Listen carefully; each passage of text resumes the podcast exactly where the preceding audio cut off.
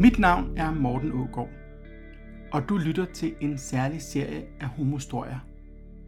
En serie med fortællinger, som jeg har valgt at kalde det, du ikke fik med. Det er historier om livet med HIV. Og i dag skal vi høre en historie, som har rørt mig. Kan du huske dengang du var 21 og havde livet foran dig? Det kan jeg. Kan du huske de drømme, du havde? Alt det, du skulle nå? Det kan jeg. Man står lige der, på vej ind i de voksnes rækker, selvom man har følt sig voksen rigtig, rigtig længe. Alting er muligt. Da Lars han var 21, der var han lige kommet ind på sin drømmeuddannelse – og mulighedernes verden lå foran ham. Og så skete det. Jeg blev ringet op af min læge, og øh, han sagde til mig, at øh, jeg skulle komme ind på klinikken, øh, fordi jeg havde fået taget en HIV-test. Og øh, så, så lagde jeg i min seng, fordi han ringede ind jeg vækkede mig, så, så lagde jeg der og tænkte, det var sgu da mærkeligt, for et år siden, da jeg havde fået taget en anden HIV-test, havde han egentlig bare sagt det i telefonen. Nå, men du er negativ. Så jeg lå der og tænkte, oh, Christ, nu er jeg, nu er jeg HIV-positiv. Øh, og der var to timer til, at jeg skulle ind til lægen. Øh, så jeg lå bare der og tænkte, ej, hvad fanden.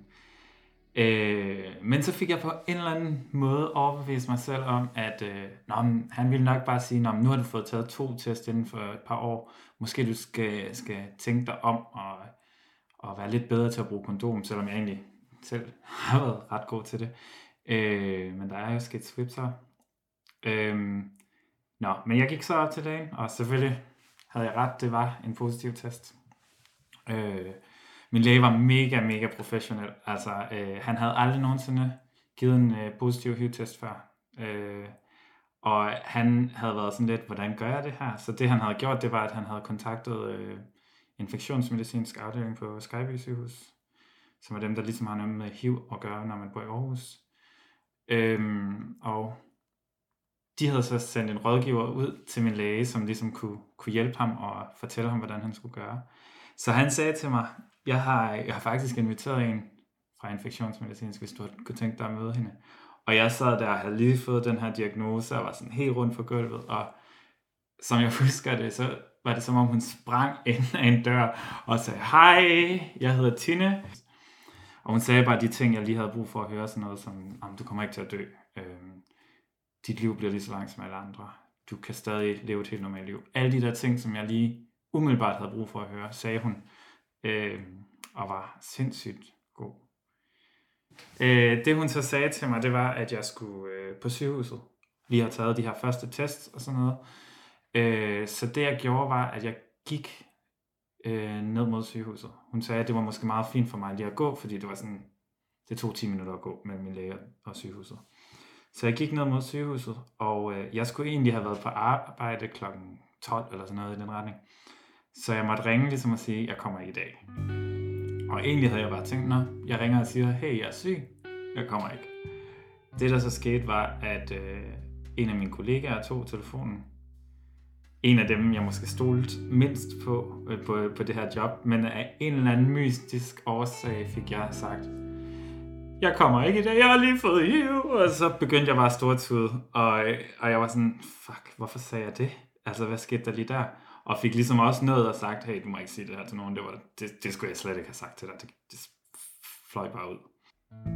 Og den næste, jeg så ringer til, det var min, min roommate og, og bedste ven, som ligesom... Øh, og sagde, hey, jeg, jeg har lige fået at vide, at jeg er HIV-positiv. Har du, har du tid til at komme forbi sygehuset og være der sammen med mig?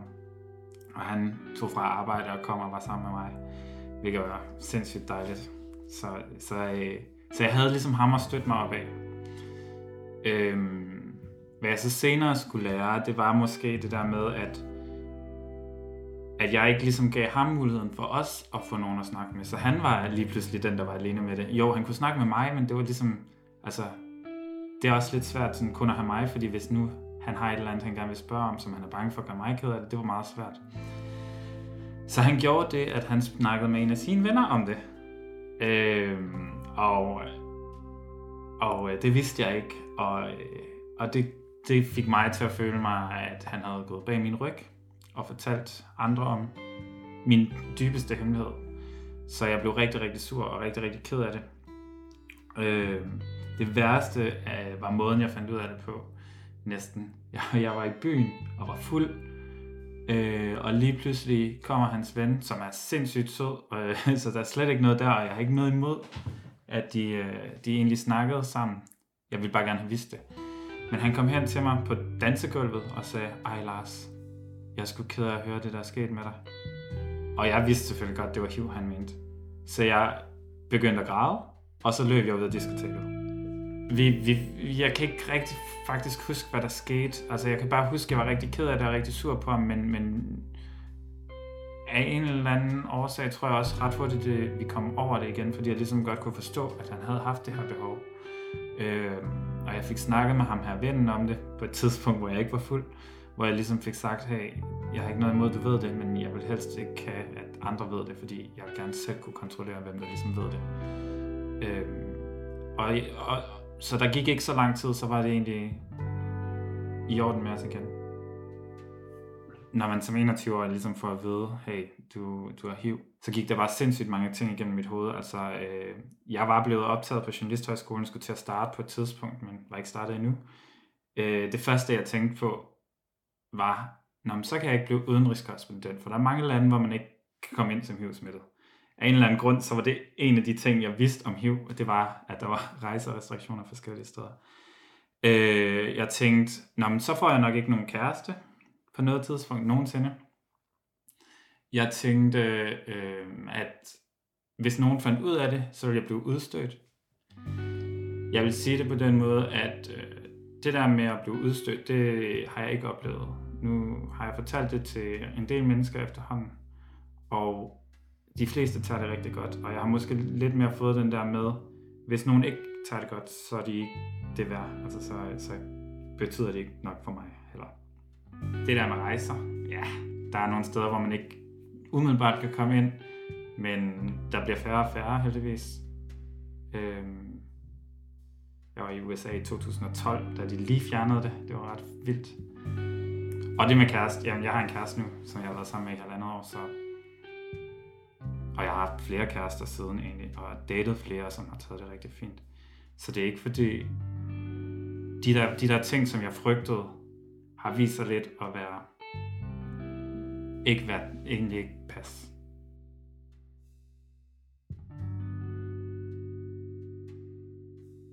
Jeg havde mine venner. Mine venner, de, de, de var der jo. De, de vidste ikke den del af mig, men det var ikke sådan, at jeg, jeg tænkte, at jeg var ensom. Det, ene, det værste lige, lige i perioden lige efter, var egentlig, at jeg følte mig ulækker. Altså, sådan, når jeg kiggede på mig selv, hvis du kan forestille dig, at du kigger på dine arme, og du kan se dine blodårer, jeg følte, at der var sådan nogle små midder, der kravlede rundt ind i blodårene. Og, og det fik mig bare til at føle, føle mig ulækker. Øh, jeg følte, at hvis jeg rørte ved noget, så blev det beskidt.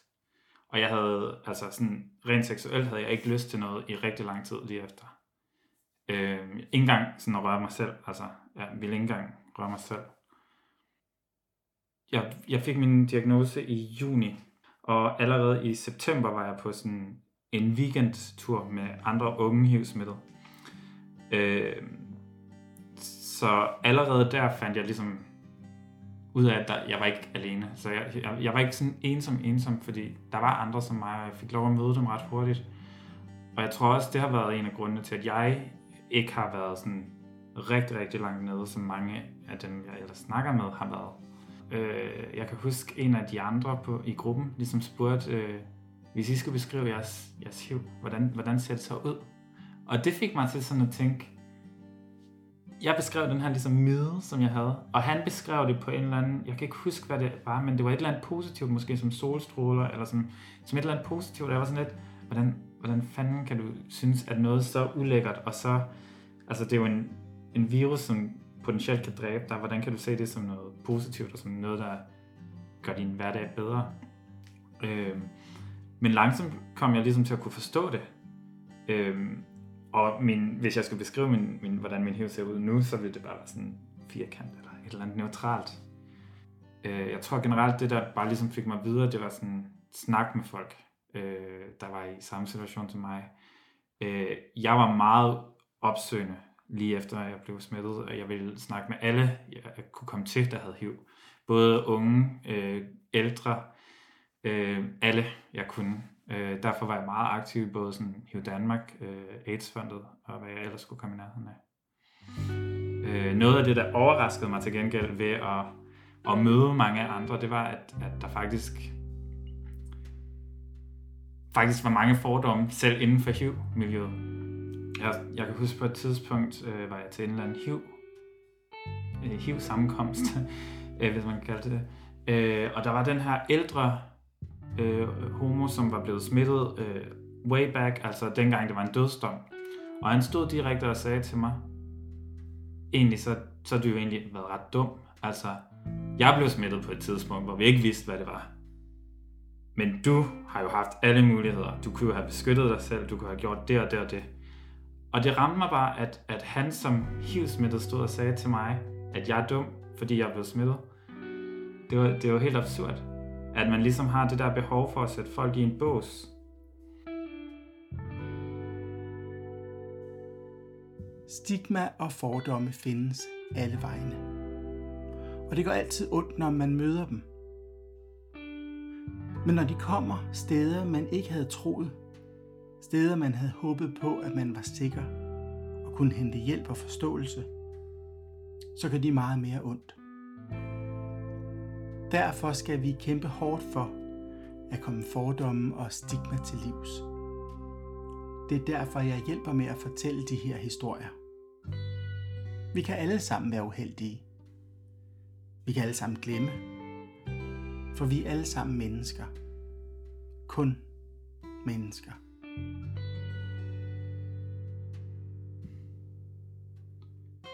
Altså i starten var det også meget det der med, at, at jeg på en eller anden måde selv kunne have undgået det. Øh, jeg kunne selv have gjort, jeg kunne have lavet være med at drikke mig fuld, jeg kunne have lavet være med at øh, have lyst den aften, eller hvad det nu kunne være. Altså, der har været så mange ting, jeg kunne ligesom have gjort, som kunne have, have gjort, at jeg ikke havde siddet i den her situation i dag. Men det er sådan, det er. Altså, jeg, jeg, jeg, har, jeg har lært at være taknemmelig for, at jeg ikke har fået kraft, eller ikke har fået øh, sukkersyge, eller en af de andre sygdomme, som er meget værre. Altså, HIV, er, HIV betyder nærmest ingenting nu om dagen. Jeg tager en pille hver, hver morgen. Det er det. Altså, hvis du har sukkersyge, skal du måske stikke dig selv fem gange i løbet af en dag. Ja. Det betyder ikke rigtig noget nu om dagen. Udover selvfølgelig stigma, som til gengæld er det værste. Mange af dem, jeg ligesom omgås med, der også selv er unge HIV-smittet, er bange for for eksempel at tilføje nogen på Facebook, fordi de tænker, når man hvis Lars han er åben omkring, at han er HIV, hvis folk så ser, at jeg er venner med Lars, så lægger de to og to sammen og tænker, Nå, så jeg også HIV. Øh, det tror jeg ikke, folk gør. Altså, folk, jeg tror mange af de stigmatiseringer, der sker, er noget, der sker ind i vores hoved, hvor vi tænker, hvis jeg gør sådan og sådan, så kan folk se, at jeg er HIV. Jeg har holdt op med at, sådan at tænke på den måde, fordi jeg har været sådan lidt, hvis, hvis folk finder ud af det, så finder de ud af det, og hvad så? Altså, hvad er det værste, der kan ske? At de siger et eller andet grimt til dig, så venter og gå.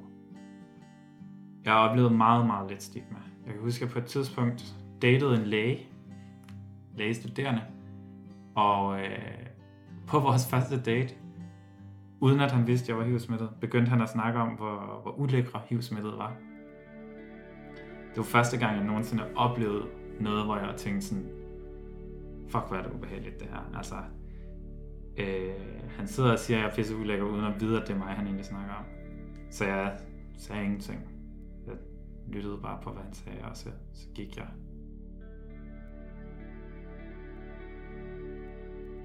Ord er de stærkeste våben, vi har. Og derfor skal vi passe på, hvad vi siger, og hvordan vi siger det. For vi ved ikke altid, hvad det menneske, vi sidder overfor, indeholder. og det kræver stor styrke at komme stigma til livs. Man skal have overskud. Man skal være ovenpå. Jeg tror meget, at den stigma, der ligesom er i, i samfundet, den kan ligesom nedbrydes, hvis man bare selv tør at stå ved, hvem man er, og tør at sige, jamen jeg har HIV, det er sådan, det er. Øh, hvis, man, hvis man lærer at leve med sin egen virus, og øh, se den som, som en del af en selv, uden at det behøver at betyde noget, så tror jeg også, at den, man fortæller det til, eller dem, man fortæller det til, ligesom vil, vil tage bedre imod det.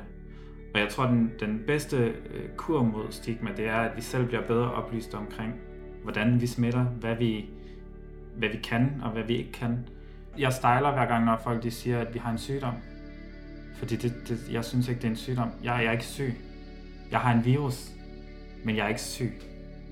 Så jeg er HIV-positiv. Jeg, jeg er blevet stærkere ved ligesom at anerkende det. Ja, man bliver gudskelov stærkere.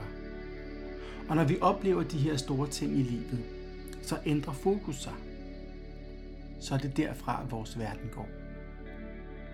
Jeg kan huske en af de første øh, sådan rejser, jeg var på med venner, efter jeg var blevet smittet, og det var før, jeg, de vidste ikke noget om det. Men jeg kan huske, at vi sad i flyveren på vej til Bulgarien. Og, øh, og så sad vi i flyveren, og, og de begyndte bare at brokke sig. Nå, ej, hvor er de langsomme til at komme med flymaden. Ej, hvor er det dårlig flymad. Alle de der ting, og jeg sad bare og kiggede ud af vinduet og tænkte, ej, hvor er det dejligt solskin. Altså, det er bare sjovt, hvordan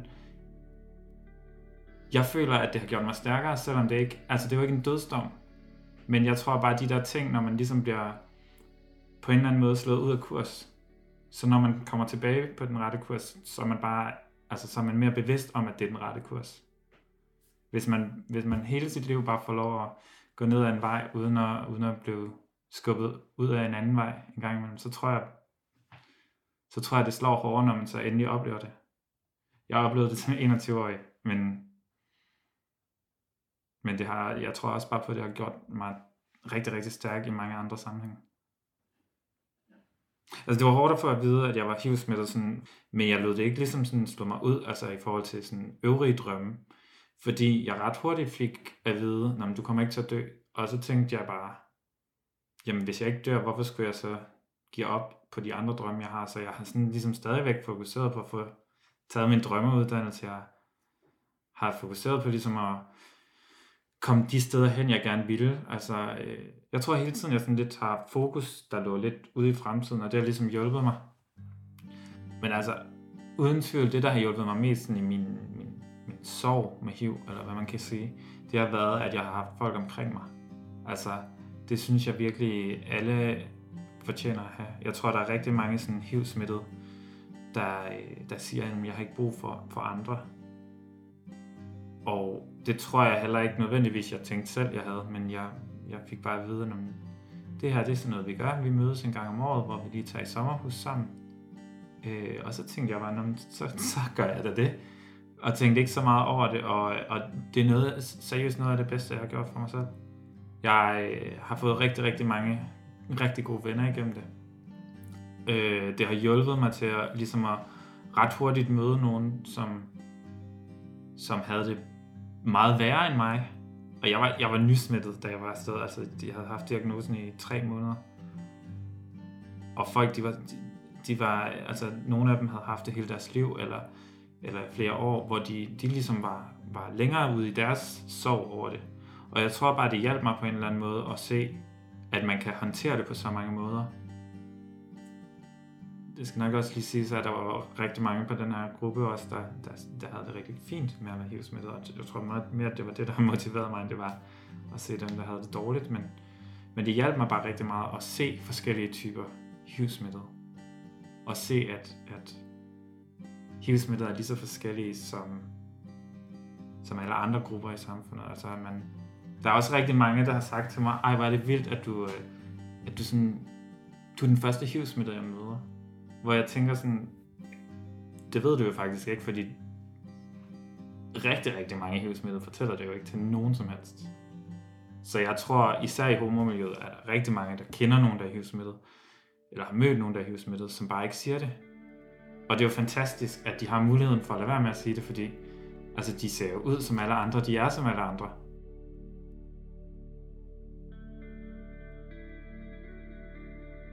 Jeg startede den her historie med at fortælle om at være på vej ind i livet. Om at stå der med håb og drømme. Og det berører mig så dybt, at Lars, han er fortsat. Hans virus er der i baggrunden, et sted inde i ham, som en del af ham, og han er stadig på vej mod sine drømme. Det har ikke ændret sig. Det får mig til at smile, og det giver mig håbet om, at de kommende generationer, nøjagtigt som Lars fortæller, ikke ser HIV som en sygdom. Det er en virus. Noget, der følger med. Det bremser ikke, og det ændrer ikke noget. Heller ikke, om man får sig en kæreste eller ej. Det er virkelig sjældent, min kæreste og jeg ligesom sådan, snakker om HIV. Øh, og det har ikke på noget tidspunkt været et problem. Min kæreste øh, var, var meget åben, da jeg fortalte ham om det, og jeg tror, han, han måske har vidst meget om det i forvejen, altså fordi han, han lød sig ikke skræmme af det her med, at jeg var helt positiv. Øh, og han, han har ikke den der, det der behov for at, at beskytte sig ekstra meget, som, som jeg tidligere har mærket, altså det der med at spørge mig flere gange, har du husket at tage din medicin i dag, eller lad os lige bruge et kondom bare for at være helt sikre, eller de der ting, altså han er, han er afslappet og, og stoler meget på mig. Og jeg kan huske for, for ikke så lang tid siden, altså jeg, jeg tager på de her sommerhusture med, med ungegruppen, hvor jeg ligesom til mine egne venner bare siger, at jeg skal, jeg skal på tur med ungegruppen. Men jeg har ligesom for ikke at gøre noget for ham, altså jeg vil ikke sige til hans venner, at jeg, jeg var HIV-positiv, fordi jeg tænkte, det skal han selv vælge, om han er klar til at fortælle dem, fordi han skal ikke stigmatiseres eller opleve alle mulige spørgsmål eller, eller noget, øh, på grund af, at jeg er HIV-smittet. Så derfor sagde jeg til, han, til nogle af hans venner, da de spurgte mig, øh, hvad jeg skulle i weekenden, så sagde han, at jeg, jeg skal med nogle venner på en, på en hyttetur. Og, øh, og så lidt, lidt dage senere, så sagde han til mig sådan, hvorfor sagde du det egentlig på den måde? Du plejer da bare at sige, at du skal på tur med, med de andre unge hivsmittede. Og så er jeg sådan lidt, jamen jeg ville ligesom bare beskytte dig. Og han var meget sådan, du behøver ikke beskytte mig, altså det er dig, der ligesom lever med den her virus. Og, og det slog mig bare, at, at det er egentlig sindssygt åbent af ham. At det er mig, der ligesom får lov at, at, at bestemme, om jeg vil sige det eller ej. Det synes jeg var fantastisk. Jeg har, jeg har skulle sådan, altså, siden jeg blev smittet for, for de der syv år siden, så har jeg skulle fortælle rigtig mange, jeg har datet, at jeg har, at jeg har HIV, og jeg har sådan prøvet ligesom at, at forsøge mig frem med, hvordan gør man det egentlig bedst. Øh, og det, det bliver bare aldrig let, uanset hvad. Altså, det er det sværeste ved at være HIV-positiv, det er at skulle fortælle en, som man dater, som man egentlig er blevet glad for, at man har noget i bagagen, som potentielt er en dealbreaker. Og der har jeg mærket det her med, at, at jo mere selvsikker jeg er på mig selv, når jeg siger det, jo bedre tager de det. Øh, hvis jeg er meget sådan undskyldende, så tager de det ikke så godt. Så, så jeg har ikke oplevet nogen, der direkte siger til mig, jeg kan ikke være sammen med dig, hvis du er HIV-smittet. Men jeg har oplevet, at den er glædet ud i sandet, efter jeg har sagt det. Øh, men de gange, hvor jeg har sagt det meget selvsikkert, og meget sådan, jeg vil bare lige have, at vi skal vide, jeg er HIV-smittet. Det betyder egentlig ikke noget, fordi jeg kan ikke smitte dig, jeg er velbehandlet. Men jeg vil bare gerne have, at du ved det, fordi jeg vil føle, at det ville være forrådet dig, hvis jeg ikke fortalte dig det. De gange har jeg bare oplevet en enorm kærlighed tilbage. Altså folk, der synes, det er, øh, det er rigtigt. Altså, det er ligesom om, at når jeg fortæller det, så giver jeg dem noget privat. Og nogle gange har jeg også oplevet, at de så føler, at de skylder mig noget tilbage. Hvilket faktisk kan være sådan lidt en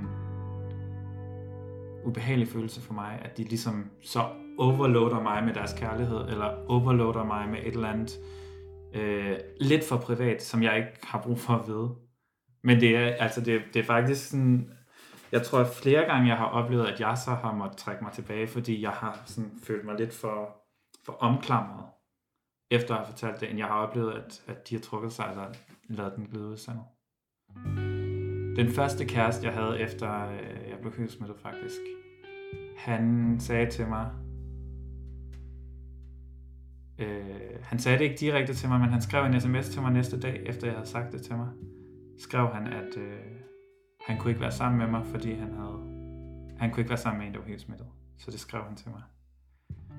Og øh, så blev jeg bare rigtig ked af det. Det var, det var mit første afslag. Jeg havde lige jeg havde levet med HIV i under et år. Og oplevede mit første afslag. Det var sindssygt hårdt. Og jeg var virkelig, virkelig vild med ham. Altså. Men der gik ikke så lang tid, så skrev han til mig. Lars, jeg har fortrudt det, jeg skrev til dig. Kan vi ikke ses og snakke om det her? Og, øh, og så endte vi jo faktisk med at blive kærester. Og var kærester i noget tid. Ikke sådan super langt forhold, men i noget tid. Og det var, øh, det var faktisk, øh, altså det var, det var ret bekræftende det der med, at, at jeg ligesom oplevede, at, at kærligheden kan godt lade sig gøre alligevel. Kærlighed kan godt lade sig gøre alligevel. Det lyder så oplagt. Næsten som en bemærkning, der ikke er brug for at sige, når Lars han siger det. For selvfølgelig kan kærlighed lade sig gøre. Jeg tror, mange af os har ligget i sengen en mørk aften og tænkt på, om der nogensinde er nogen, der vil komme til at elske mig, sådan som jeg er. Bøsse, lesbisk, lidt for tyk, lidt for tynd, lidt for gammel, lidt for ung. Lige efter det forhold, som man troede var det rigtige, det eneste ene. Eller måske med en virus. Og svaret er ja. Kærligheden kan godt lade sig gøre alligevel. Og jeg tror på, et eller andet sted, der ved vi det godt. Inderst inden, at vi altid er elsket.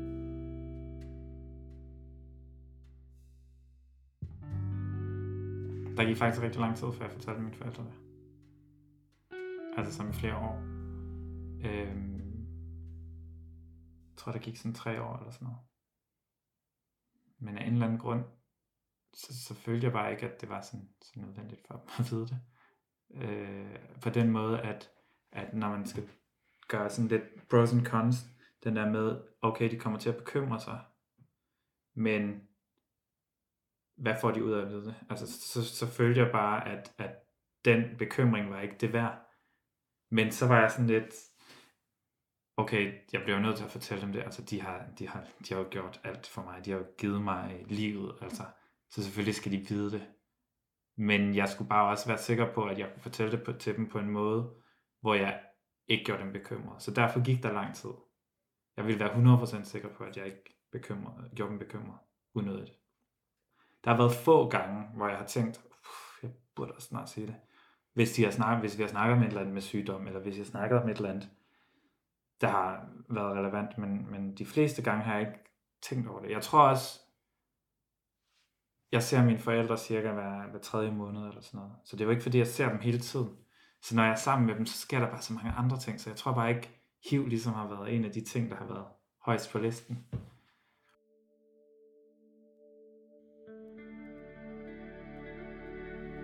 Når du selv er klar til at fortælle det, så kan du også bare fortælle det på en måde, som er mere beroligende. Fordi hvis du st- selv stadig sidder og er bange for at dø, altså så det, det, den frygt giver du bare videre til den, du fortæller det til. Lars havde mennesker omkring sig, lige da han fik sin diagnose. Han blev en del af HIV Danmarks ungegruppe, og han overkom den frygt, som helt naturligt vil puste i nakken et øjeblik. Og da styrken var kommet, kunne han tage det næste skridt. Jeg har altid sagt, og jeg tror stadigvæk på, at sandheden altid kommer frem. Den er ligesom vand.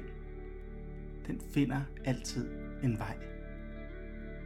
Men Lars har åbnet mine øjne for, hvor vigtigt det er, at man selv er klar til at fortælle den.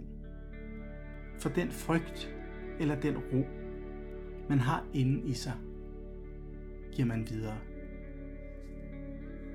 Denne her serie af historier om livet med HIV slutter her. Fra næste måned er jeg tilbage med homostorier, sådan som du kender dem. Historier om mennesker og det sted livet har ført dem hen. Fortalt af ikke heteroseksuelle. Men jeg er glad for, at jeg rev tiden ud af kalenderen og fokuserede lidt på livet med HIV. Jeg er blevet klogere, fordi jeg har mødt mennesker, der har gjort mig klogere. Annettes optimisme. Sunes vilje til at være ærlig. Tommys styrke til at komme videre. Susans mod. Og Lars' evne til at drømme stort og videre. Så mange tak for historierne. Mit navn det er Morten Ågaard, og du kan finde meget mere om den her podcast på facebook.com skråstreg alle vores historier eller på radiodrama.dk skråstreg podcast. Du kan også høre alle de tidligere historier. Det kan du gøre via iTunes eller der, hvor du foretrækker at høre din podcast. Og du kan læse meget mere om AIDS-fondets arbejde på deres hjemmeside. Den hedder aidsfondet.dk Indtil vi høres ved. Pas godt på dig selv.